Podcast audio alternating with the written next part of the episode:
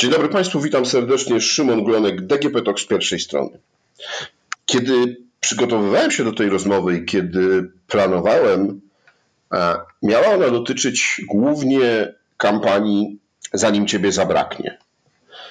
Jednak ostatnie wydarzenia na naszej wschodniej granicy, czyli to, że po raz pierwszy, odkąd rozpoczęła się wojna, odkąd Rosja napadła na Ukrainę, trochę chyba zmienia sytuację e, i od tego będę chciał zacząć moją rozmowę, bo moim i Państwa gościem dzisiaj są dwie panie. Doktor Teresa Jadczak-Szumiło, psycholog oraz Magdalena Szyszkowska-Władyczak, socjolog z Polskiego Instytutu Traumy. Dzień dobry. Dzień dobry. Dzień dobry. Drogie panie, właśnie, no, kampania, o której mieliśmy mówić i o której zresztą porozmawiamy, i też Instytut, e, który współpracuje z twórcami kampanii, który przygotowuje się do tego, e, miał się zajmować, mieliśmy rozmawiać o traumie związanej z odchodzeniem z powodu choroby. E, z odchodzeniem, z przygotowywaniem się do tego, jak nasi bliscy, e, którzy chorują na nowotwory, odchodzą, jak my się do tego mamy przygotować, jak mają się oni do tego przygotować, żeby trauma, która następuje wtedy, była jak najmniejsza. Ale w międzyczasie, no właśnie, spadła rakieta. Po raz pierwszy E, od II wojny światowej mamy takie do czynienia w e, Polsce. E, I tak sobie myślę, że to jest dopiero nieprzewidzialna i trauma, na którą się chyba w żaden sposób nie można przygotować. No bo i mieszkańcy, i rodzina, przede wszystkim rodziny osób, które zmarły, ale mieszkańcy tej miejscowości, ale w ogóle wszyscy mieszkańcy Polski Wschodniej i myślę, że wszyscy Polacy mają taki moment głębokiego zastanowienia się i przestraszenia, bo ta wojna jeszcze bardziej jest realna.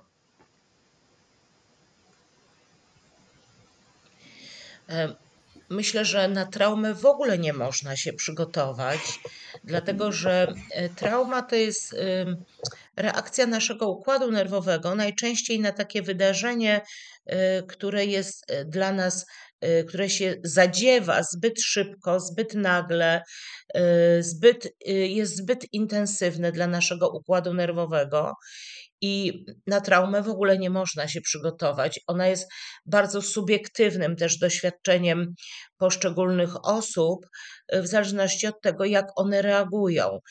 I Niektórzy mówią, że historia ludzkości to historia traum, że tak naprawdę jesteśmy tutaj w tym miejscu, ale my i nasi przodkowie musieliśmy pokonać szereg trudności, aby się tutaj znaleźć.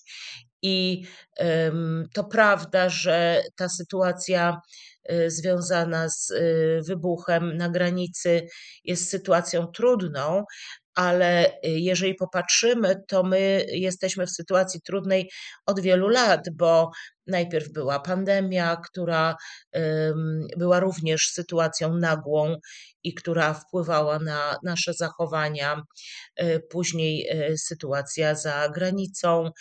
Do tego dochodzą jednostkowe przeżycia poszczególnych osób, które doświadczają nas w rodzinach i mm, mm, tak naprawdę żyjemy często od traumy do traumy. Y, ważne jest nie to, jak reagujemy, tylko to, co my później z tym robimy i y, czy umiemy y, poradzić sobie z tym, co się wydarzyło. E, pani Magdo, a z takiego ujęcia socjologicznego, czy to jest tak, że to będzie jakaś taka patrząc na tą miejscowość, na, na tych ludzi, którzy tam y, żyją i będą żyli na, na co dzień, e, czy, czy, możemy mówić o jakiejś takiej, no właśnie, nie tylko traumie indywidualnej, ale jakiejś traumie zbiorowej, społecznej? E, czy coś takiego występuje? Tak, zdecydowanie tak. Będzie to taka trauma, już jest w zasadzie. Ponieważ, tak jak Pan na początku wspomniał, ta wojna stała się nam dużo bliższa, ponieważ jest już, e, nie jest już taka bezosobowa. E, ona nie dotyczy tylko naszych sąsiadów z Ukrainy, ale już teraz dotyczy bezpośrednio dwóch obywateli Polski, którzy, którzy zginęli. Co więcej, te osoby, które mieszkają w tej miejscowości, znały, zna, znały tą dwójkę mężczyzn, znały ich z imienia i z nazwiska. Także jest to no już takie dużo, dużo bardziej nam bliskie. Zawsze, kiedy coś się wydarza i e, jest bliżej nas, to wiadomo jest, że będziemy na to reagowali bardziej emocjonalnie i nie, nie, nie, nie można już zastosować takich obron, które podejrzewam, że wielu z nas od wielu miesięcy stosuje, czyli to jest gdzieś tam, nie u nas. Ważne jest teraz, żeby y, te osoby w tej społeczności y, były jakoś dla siebie oparciem wzajemnie, y, żeby nie popadały w panikę, żeby mm, potrafiły uspokoić siebie, to też zwiększały swoją orientację w tej sytuacji. No i będą musieli poradzić sobie z tym Y, na szczęście pomoc psychologiczna też w tej sytuacji jest udzielana, bo wszyscy rozumiemy i coraz bardziej to rozumiemy, że ta pomoc jest konieczna w sytuacjach trudnych, że ludzie nie mogą zostawać z tym sami. No dobrze, ale powiedziała Pani, że na taką traumę nie można się, czy na żadną traumę nie można się przygotować, ale czy to, czy to nie jest tak, że jednak jak e, za pierwszym razem coś się wydarzyło, no to to jest szok, e, to jest właśnie taka, takie mm, ogromne nieprzygotowanie do takiej sytuacji, a teraz już mamy jednak taką świadomość, że to się może wydarzyć. Nawet e, rządzący, politycy zaczęli mówić: OK, trzeba uważać, tak? Oczywiście trzeba coś z tym zrobić, ale żadne, żaden system przeciwrakietowy nie jest w 100% w stanie nas ochronić. E, jeśli e, jest agresja za naszą wschodnią granicą, to przy naszej granicy, po naszej stronie granicy mogą się wydarzyć incydenty. E, I czy to, czy to nie jest już tak, że mm, oby nie było, ale, ale gdyby się wydarzyły następne jakiekolwiek takie wypadki, to będziemy już trochę spokojniej do nich podchodzić? Myślę, że tak nie, nie da się tego zrobić. Oczywiście, czym innym są działania Y, rządu czy działania polityczne, które y, zmierzają do tego, żeby y, tą sytuację jakoś mm, zaplanować, zorganizować. To jest zupełnie inna część pracy, którą my się, niż ta, którą my się zajmujemy jako psycholodzy czy osoby, osoby, które pracują w terapii z osobami doświadczającymi traumy, bo to, co nas interesuje, to to, jak można pomóc y, pojedynczej y, osobie lub zbiorowościom społecznym, żeby ich reakcje y, na wydarzenie, które się wydarzyło, były bardziej uspokajające niż aktywujące ich układ nerwowy. I to, o czym możemy mówić z tej perspektywy psychologicznej, to to, że rzeczywiście można uczyć ludzi, jak osiągać spokój i y, jak uspokajać siebie y, w sytuacji nawet tak dużego zagrożenia, jak y, niebezpieczeństwo gdzieś w naszej bliskiej okolicy, żeby ta sytuacja nie wpływała na nas tak, że nie jesteśmy w stanie funkcjonować. Chociaż oczywiście różne osoby mogą reagować różnie w zależności od mm, no, własnych reakcji, których się nie przewidzi. Natomiast można rzeczywiście uczyć, y, co robić z takimi reakcjami, jak rozpoznawać to, że jestem w tak dużej aktywacji, że to y, może być dla mnie jakoś niebezpieczne zdrowotnie. I to na pewno możemy robić i to chcemy robić właśnie jako Polski Instytut Traumy. To ja jeszcze, zanim przejdziemy do Instytutu, chciałbym zapytać o, o jedną rzecz. Jaka teraz może być taka zbiorowa reakcja i tam na miejscu tej społeczności, którą to bezpośrednio dotknęło, ale i nie wiem, całego społeczeństwa polskiego. No ja wiem, że to trudno przewidywać, ale patrząc na doświadczenia, patrząc na wiedzę, jaką e, panie mają, czy to jest tak, że nie wiem, będziemy bardziej zalęknionym społeczeństwem, czy obudzi się bardziej w nas agresja, złość? E, jakie tutaj emocje mogą teraz e, zacząć grać? No, naj, najważniejszą y, sprawą jest to, żeby po prostu nie wpadać pa, w panikę, żeby nie eskalować tych emocji. E, I y, to, co w tej chwili słyszymy ze wszystkich komunikatów rządowych, to żeby mm, słuchać właśnie tych takich dobrych źródeł informacji, sprawdzonych źródeł informacji, żeby je weryfikować, y, żeby, żeby przede wszystkim zachować dystans i spokój. To, co na pewno pomaga mm, nam w takich sytuacjach, kiedy doświadczamy lęku, paniki, to zwiększanie orientacji w tej sytuacji, bo y, trzeba pamiętać, że sytuacja traumatyczna to jest taka sytuacja, kiedy wszystkiego jest dla nas za dużo i wszystko dzieje się zbyt nagle, i my nie umiemy tego przetworzyć przez y, nasz układ nerwowy. I jeśli y, coś wydarza się, coś, co y, no, jest trudne, bo nie można o tej sytuacji y, mówić, że ona nie była trudna, to mm, żeby opanować tą aktywację w układzie nerwowym, trzeba po prostu zwiększać informacje, zwiększać naszą orientację, sprawdzać te informacje, żeby nie napawać się takimi informacjami sensacyjnymi, które jeszcze podwyższają tą naszą aktywność i nasze y, zdenerwowanie. I to jest coś, co pomaga nieco y, opanować reakcję w układzie nerwowym, tak żeby y, po prostu no, nie być ciągle w lęku i w takim przestrachu, bo to będzie eskalowało nasze Y, indywidualne reakcje na tą sytuację. Polski Instytut Traumy. Tak, y, nazwa mm, mocna, bym powiedział. Czy jako naród, czy jako społeczeństwo jesteśmy mocno straumatyzowani?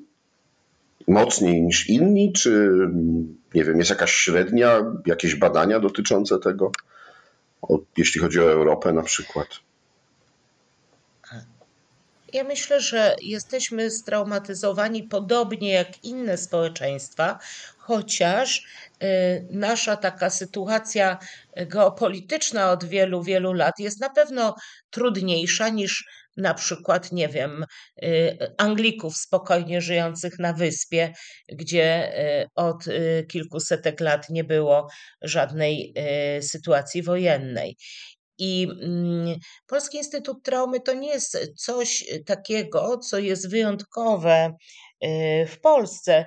Takie instytuty istnieją w innych krajach y, od dawna i mm, uważałyśmy, że y, taki instytut w Polsce też się należy, żeby można było tą wiedzę gromadzić, uporządkować, upowszechniać, uczyć ludzi y, również tego, jak rozpoznawać y, to, że jesteśmy y, doświadczeni przez wydarzenie traumatyczne i przede wszystkim, żebyśmy umieli pomagać sobie i wspierać się w tych sytuacjach. Więc raczej nie widzę tego jako coś wyjątkowego, tylko coś, co było konieczne, czego tutaj nie było, a e, w innych krajach dawno już jest.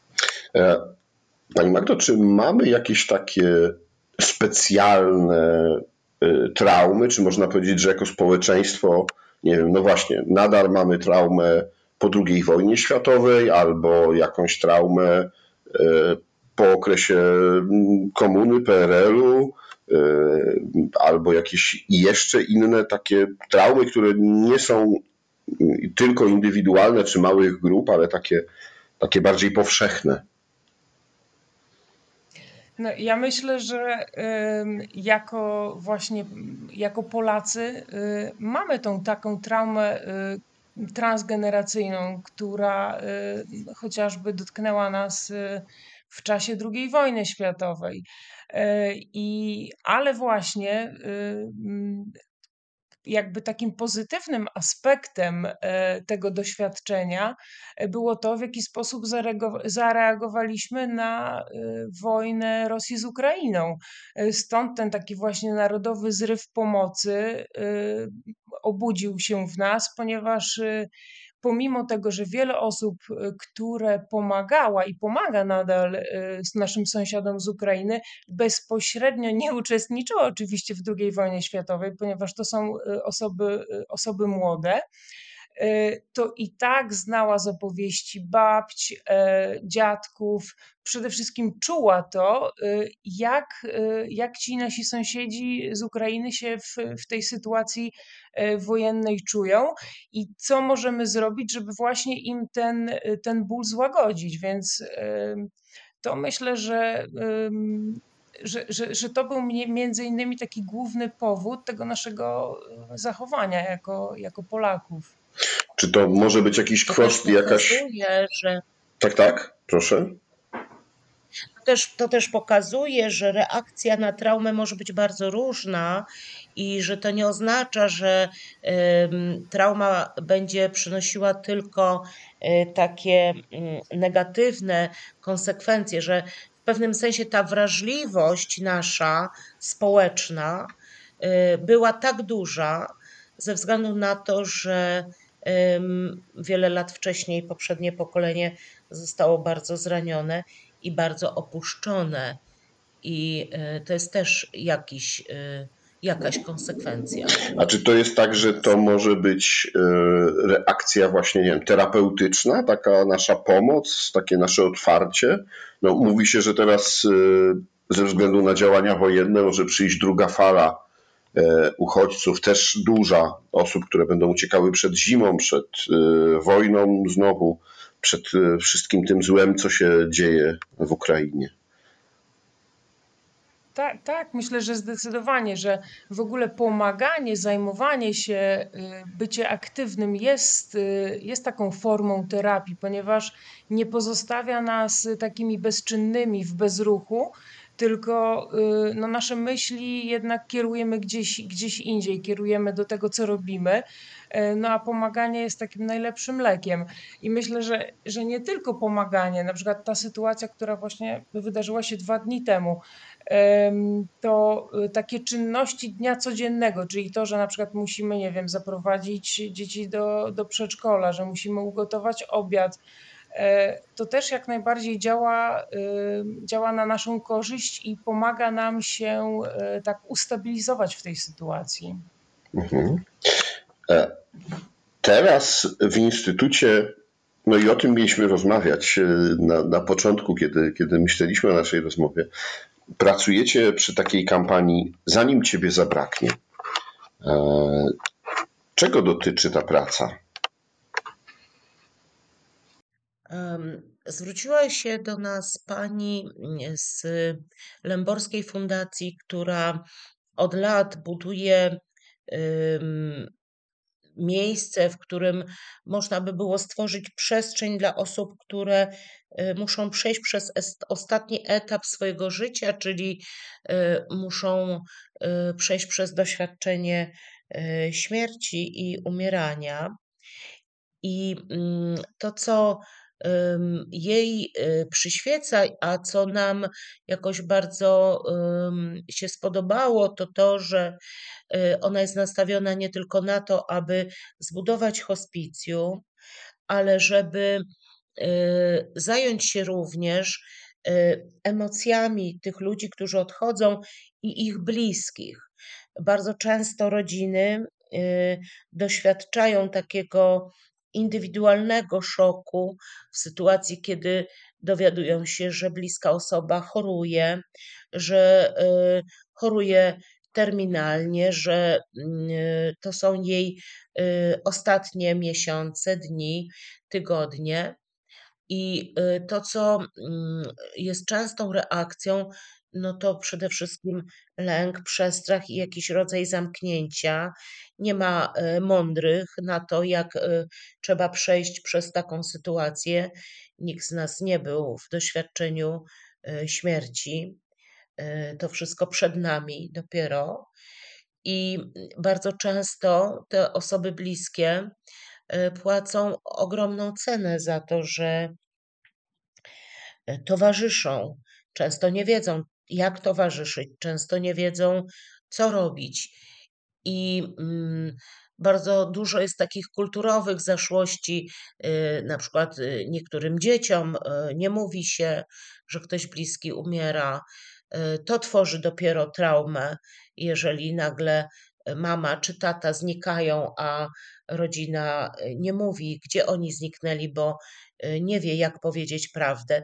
I wspieramy tą fundację w takim zakresie, aby przygotować programy psychologiczne dla rodzin, które y, tam y, będą miały swoich bliskich, aby przygotować psychologicznie personel tego miejsca, żeby potrafił radzić sobie e, z emocjami, które będą częścią ich pracy, i pod tym względem e, to hospicjum w moim poczuciu będzie wyjątkowe i jest wyjątkowe, ze względu na to, że jeżeli tą wrażliwość widać już teraz na etapie budowania, to widać, jak bardzo całościowo fundacja myśli o tym, jak opiekować się ludźmi. E, czy te prace, czy te wasze mm, dokumenty, podpowiedzi dla rodzin będą dostępne tylko i wyłącznie dla tych rodzin, które korzystają z hospicjum? Czy będzie szansa, żeby. No bo w hospicjum będzie, nie wiem, kilkanaście, kilkadziesiąt osób, tak, e, które e, będą zaopiekowane w ten sposób, ale czy osoby nie będące pod opieką tego hospicjum też będą mogły skorzystać z porad, doświadczeń, tej wiedzy? Przede wszystkim y, w naszych planach istnieje y, takie myślenie, żeby w ogóle może y, zarazić inne miejsca takim podejściem, więc to absolutnie nie będzie jakaś wiedza niedostępna. Trzeba pamiętać, że to lęborskie hospicjum stacjonarne, które pani Agata Kozyr buduje, ma takie myślenie to jest, myślę, bardzo ważne, że to nie jest miejsce, w którym ludzie przychodzą, żeby umierać. To jest miejsce, do którego ludzie przychodzą, żeby żyć y, godnie y, w ostatnich tygodniach swojego życia, a rodzina, która im towarzyszy, żeby mogła być zaopiekowana, żeby mogła również e, przeżyć e, z osobami bliskimi sobie w jak najlepszy sposób te dni i tygodnie. I absolutnie nie chcemy, żeby to było e, coś niedostępnego. Wręcz przeciwnie, mam nadzieję, że będą osoby, które będą chciały się tego nauczyć, jak towarzyszyć bliskim osobom w takiej sytuacji. Drogie Panie, dziękuję bardzo Wam dzisiaj za rozmowę. Myślę, że jeszcze nie raz, e, trochę powiem niestety, e, będziemy mieli okazję rozmawiać, no bo, e, bo te różne trudności i traumy, jakie nas spotykają, nie, są nieodłączną częścią życia, więc pewnie nie raz będę jeszcze Panie pytał o, o poradę, pytał o informacje, jak sobie radzić e, w danych sytuacjach. E, dzisiaj... Bardzo chętnie y, porozmawiamy, także dziękujemy serdecznie. Bardzo dziękujemy za zaproszenie i za docenienie też tego tematu, jakim są doświadczenia traumatyczne, indywidualne i społeczne. Dziękuję bardzo za rozmowę. To było DGP Talk z pierwszej strony. Moimi Państwa gościniami były dr Teresa Jadczak-Szumiło oraz Magdalena Szyszkowska-Władyczak e, z Polskiego Instytutu Traumy, a rozmawiał Szymon Glonek. Do usłyszenia.